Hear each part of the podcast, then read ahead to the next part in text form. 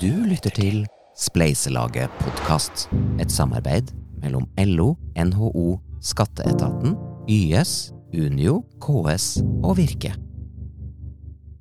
Se for deg følgende. Året er 2040, og i Oslo er det kaos. Flera tusen demonstranter som har stormat det norske parlamentet, Stortinget, som de vägrar att lämna Nyheten om storminga av Stortinget går verden rundt. Og i Norge snakker vi ikke om annet enn Kåre Wold og tilhengerne hans, som mange mener står bak storminga. Ja, der mista vi kontakt med vår eh, reporter på Stortinget, og vi setter tilbake til eh, studio. Hold an litt. Er det sannsynlig at en type som Kåre Wold kan skape krøll for det norske demokratiet i framtida? Spleiselaget podkast handler i dag om demokrati. Hvorfor er det populært, og kan det havne i trøbbel? Og hva er likheten mellom det og frokostblandinger? Du får møte en forsker på demokrati og ei jente som har fått føle på kroppen hva det kan koste å engasjere seg.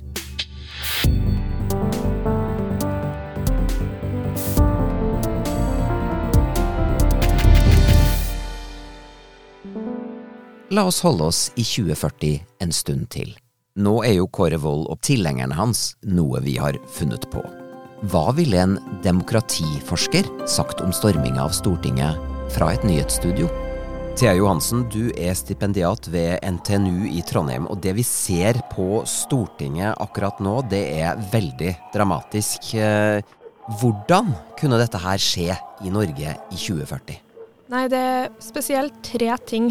Det første er at det har vært en økende polarisering i samfunnet, der tilhengerne til Kåre Wold og andre politiske grupper i samfunnet er mer og mer uenige, og tror ikke på at det finnes kompromisser lenger. I tillegg så har vi en dalende tillit der folk har mista trua på at politikerne vil deres beste, og de har mista trua på at demokratiet er det systemet som kan sikre dem de beste politikken. Vi har også sett masse angrep på organisasjoner og på ytringsfriheten, som i normale tider ville vært hinder for den situasjonen vi observerer nå i dag. Thea Johansen er demokratiforsker ved NTNU, mens Kårevold bare er et tenkt eksempel på hva som kan skje i framtida. Men det finnes folk som han rundt omkring i verden som lager krøll for demokratier på ordentlig. Vi har dessverre sett mange Kåre Wold de siste årene. I Ungarn så har Viktor Orban utfordra demokratiske prinsipper, spesielt ytringsfriheten, men han har også spilt på antisemittisme. Antisemittisme er det samme som jødehat. Han har tatt mer kontroll over domstolene og skrenka inn homofile og andre minoriteter sine rettigheter. Vi har observert det i Brasil, der Jair Bolsonaro kom til makta i 2019, har brukt masse tid på å spre misinformasjon, bl.a. om covid-19, som har ført til at veldig mange har dødd. Han har utnevnt personlige venner til viktige jobber, og han har blanda seg inn i rettsvesenet sine avgjørelser.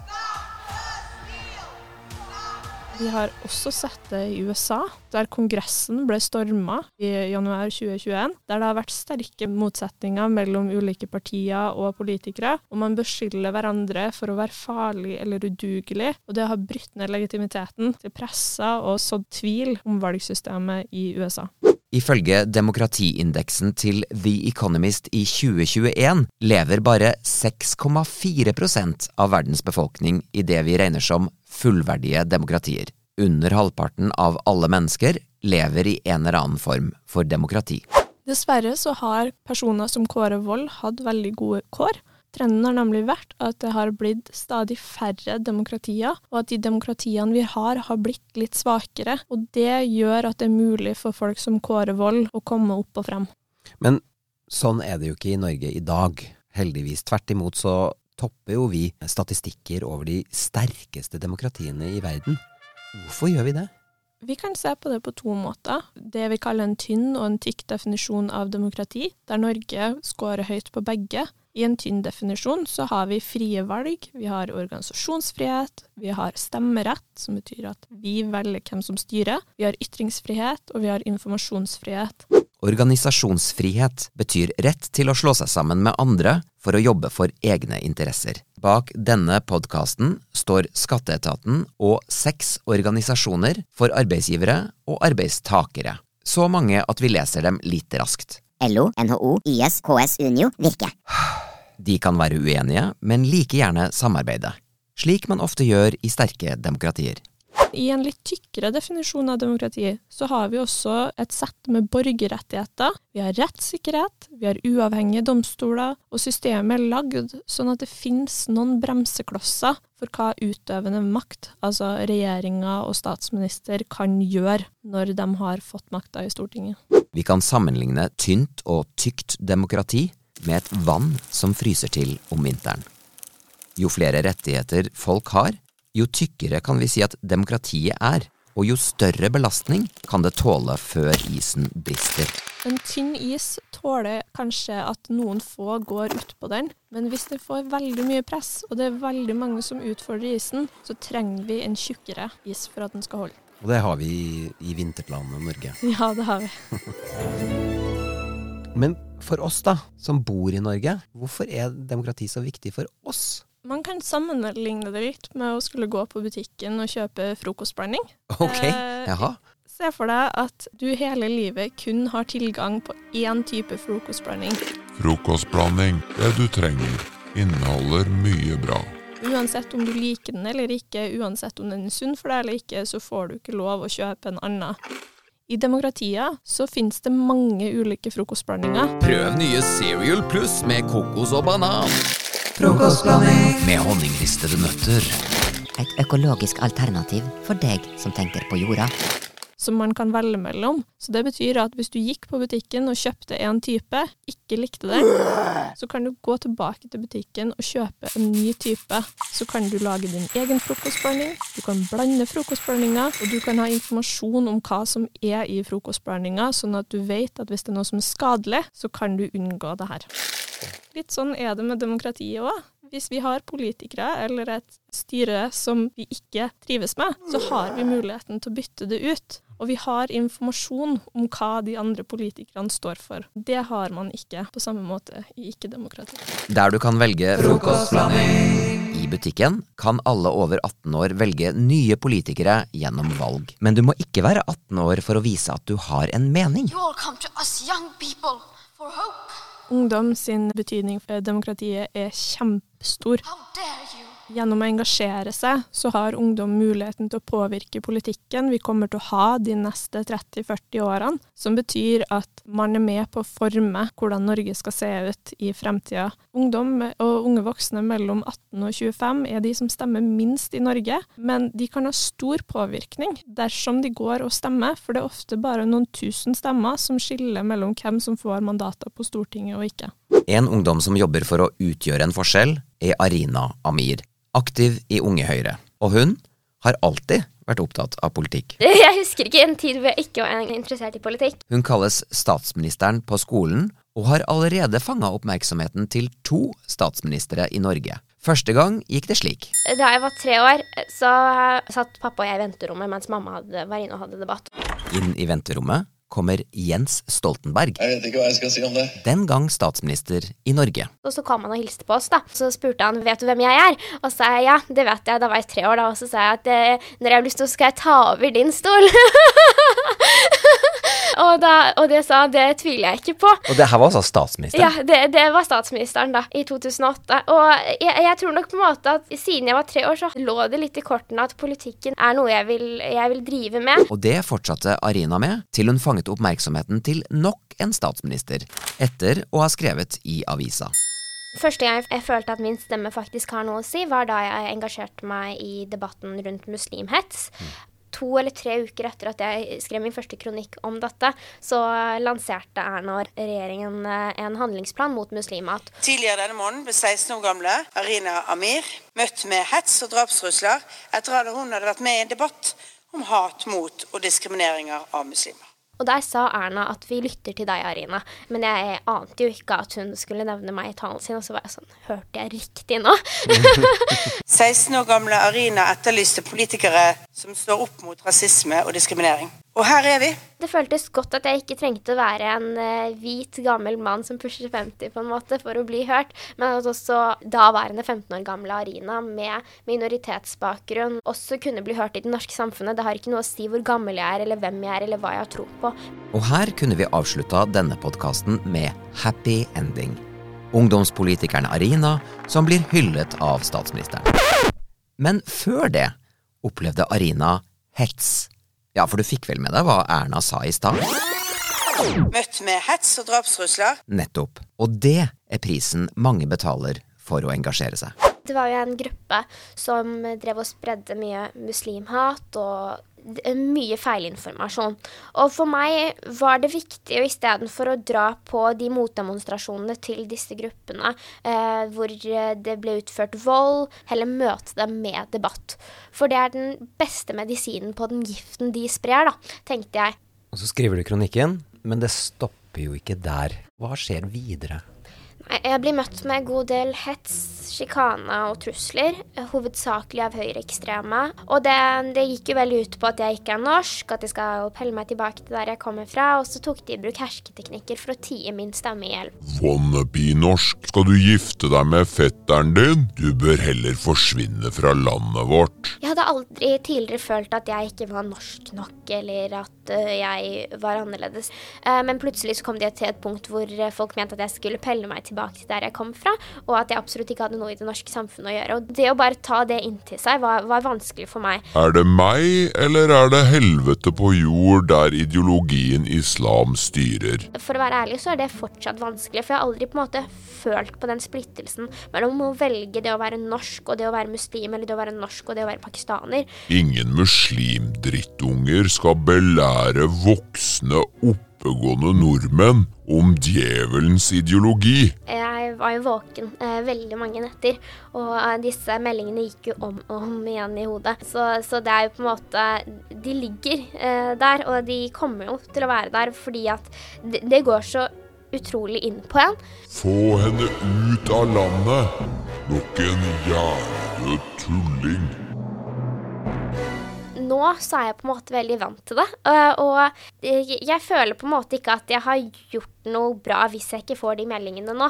Eh, Og det er jo det som er litt eh, rart, er at min stemme provoserer så mange, betyr også at de ser på meg som en trussel. Da. Og det, den følelsen er egentlig litt deilig, for hvis de trodde at ja, det er bare en 15-16-åring som på en måte ikke har noe som helst å si i samfunnet, og hun kan vær så god gjøre hva hun vil, så skulle de ikke orket å skrive disse meldingene. Arina kommer fra en familie hvor både mamma og pappa er politikere. Hennes mor, Afshan Rafik, var den første med ikke-vestlig bakgrunn på Stortinget i 2001. Mora di, når hun satt på Stortinget, så fikk hun også hatmeldinger. Hvordan vil du sammenligne det du har opplevd med det mora di opplevde? Mamma fikk jo et par brev eh, på stortingskontoret hennes. Det var litt trusler og litt sånn, så mamma endte jo opp med å få voldsalarm fra politiet og litt sånne type ting f- eh, det hun fikk. Men det var jo ikke mye i det hele tatt. Nå er det jo slik at eh, jeg har fått eh, egentlig flere tusen hatmeldinger, kanskje. Disse hatmeldingene finnes overalt. Det er ikke mulig å holde seg unna dem. Det er ikke mulig å bare lukke øynene. Og selv om jeg slår av telefonen min, så har jeg fortsatt familiemedlemmer eller venner som har lest det, og jeg får vite om det uansett. Og det er jo det som skiller veldig hatet mamma fikk eh, da hun på en måte satt på Stortinget, og sammenlignet med det hatet jeg nå får. Men det at det er så tøft til tider i sosiale medier, hvordan har vennene dine opplevd uh, å se hva du har blitt utsatt for? Det er jo det som skremmer meg litt, da. Nå vet jeg om flere, uh, bare i min vennekrets, som ikke vil engasjere seg som følge av denne hetsen og de truslene som kan komme. Men da er jeg redd for hvor store mørketall det på en måte er her, og hvor mange unge som faktisk kunne utgjort en viktig forskjell, eh, ikke får muligheten til å heve stemmen sin nettopp fordi at de er så redde for konsekvensene. Og det er jo det som eh, jeg personlig er mest engstelig for. Om vi får en leder som er mindre demokratisk i framtida, som Kåre Wold, handler bl.a. om deg og andre unge som Arina. Et sted hvor kampen om meninger kommer til å stå, er i sosiale medier. Sosiale medier muliggjør jo at hvem som helst kan delta og si sin mening i en offentlig debatt. Dette gjelder også ungdom. Det betyr at ungdom har en unik mulighet til å snakke til et relativt stort publikum når man publiserer en post. Det innebærer jo en mulighet i å bli hørt, som kan være positiv for å være med å påvirke. Som miljøaktivist Greta Thunberg. How dare you? Er det liksom en forskjell da, på det å faktisk snakke med noen ansikt til ansikt, eller det å fyre av en melding? Det vil jeg tro at det er. På sosiale medier så kan man jo kanskje ofte oppleve en veldig spissa debatt, der det er mye hat og mye usensurert innhold som publiseres, og du blir gjerne servert det som gjør deg mest mulig sint. De fleste sosiale medieplattformene tjener penger på klikk, og vil derfor sørge for at du får opp nyheter og saker som gjør deg redd, følelsesmessig engasjert og gjerne sint. Noen jævla tulling. Arina skrev jo en, en kronikk og fikk en storm av hatmeldinger i sosiale medier. Hvor går grensa for hva du har lov til å si, og hva vi må tåle å høre? Det meste er lov å si, men det er ikke lov å true, diskriminere eller trakassere, altså det vi ofte kaller hatprat. Så det betyr at vi kan si kontroversielle ting, og vi kan ha veldig sterke meninger om vanskelige problemstillinger, men vi må gjøre det uten hatprat. Din generasjon er jo født digital, altså generasjon Z. Ja. Blir det bedre eller verre, tror du, det klimaet for å, å si hva man mener i fremtida? Slik utviklingen er nå, spesielt hvis jeg ser på ungdomspartiene i dag, så er jeg redd for at debatten vil bli mer polarisert. Polarisering betyr at meningsmotstandere står langt fra hverandre, og at færre har synspunkter som er midt imellom dem. Det blir to leire eller to poler. Hvor viktig er ytringsfriheten for at demokratiet skal bestå? Ytringsfriheten er ekstremt viktig. Den er en forutsetning for å ha et demokrati. Fordi et godt demokrati er mer enn summen av bare den enkelte stemme. Det er også de meningene som dannes når vi snakker sammen. Og da må vi ha ytringsfrihet. Fordi det er kun gjennom å snakke sammen at vi finner ut hva vi er uenig i, hva vi er enig i, om det finnes noen kompromisser. Og der eh, finnes det et veldig godt sitat. Jeg er dypt uenig med det du sier, men jeg er villig til å dø for din rett til å si det. Dette sitatet er ofte tillagt den franske filosofen Voltaire, uten at han sa akkurat de ordene. Men han var tilhenger av ytringsfrihet, religionsfrihet og toleranse allerede på 1700-tallet, altså en god stund før vi fikk ordentlige demokratier. Er det viktig for deg at liksom din verste motstander får muligheten til å si sin mening? Ja, det er, det er veldig viktig for meg, egentlig. Jeg ville ikke på en måte hatt det på en annen måte enn dette. For hvis disse ikke fikk muligheten til å si sin mening høyt, så ville ikke resten av samfunnet visst om disse meningene. Så jeg vil si at det er en større trygghet at vi har ytringsfrihet i en såpass stor grad som vi har i det norske samfunnet, enn en, det er en trussel. La oss spole tilbake til starten, som egentlig var å spole frem til 2040. For at en type som Kåre Wold skaper krøll for demokratiet, var det særlig tre ting demokratiforsker Thea Johansen pekte på. Det har vært en økende polarisering. I tillegg så har vi en dalende tillit. Vi har også sett masse angrep på organisasjoner og på ytringsfriheten. Men er det ting hun ser allerede i dag som kan skape muligheter for Kåre Wold i framtida? I utgangspunktet så er jeg ikke veldig bekymra for en Kåre Wold-type i eh, Norge, men det betyr ikke at det ikke finnes ting som utfordrer det norske demokratiet som vi er nødt til å ta på alvor. Det finnes trusler mot ytringsfriheten. Vi må ha et fokus på minoriteters beskyttelse, f.eks. samenes. Vi må sørge for å ha en økonomisk utvikling, og det her er ting vi alle må følge med på og engasjere oss i, fordi et demokrati eksisterer kun så lenge vi bestemmer oss for å beholde det.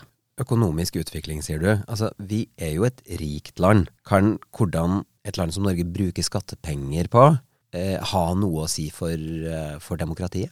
Det er veldig viktig hvordan vi investerer pengene våre, både for å sikre økonomisk vekst, men også for å sikre gode liv og en sosial utjevning, som betyr at flere får muligheten til å bygge gode liv. Statsbudsjettet er penger politikerne bruker på Norge hvert år. I 2019 gikk 17% til helse og 12% til utdanning. Gjennom å stemme er du med på å påvirke hva pengene skal brukes til.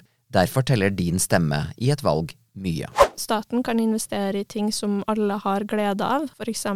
utdanning, infrastruktur, helse. Alle de tingene her er ting som både jeg og du kan bruke uten at det blir mindre av det.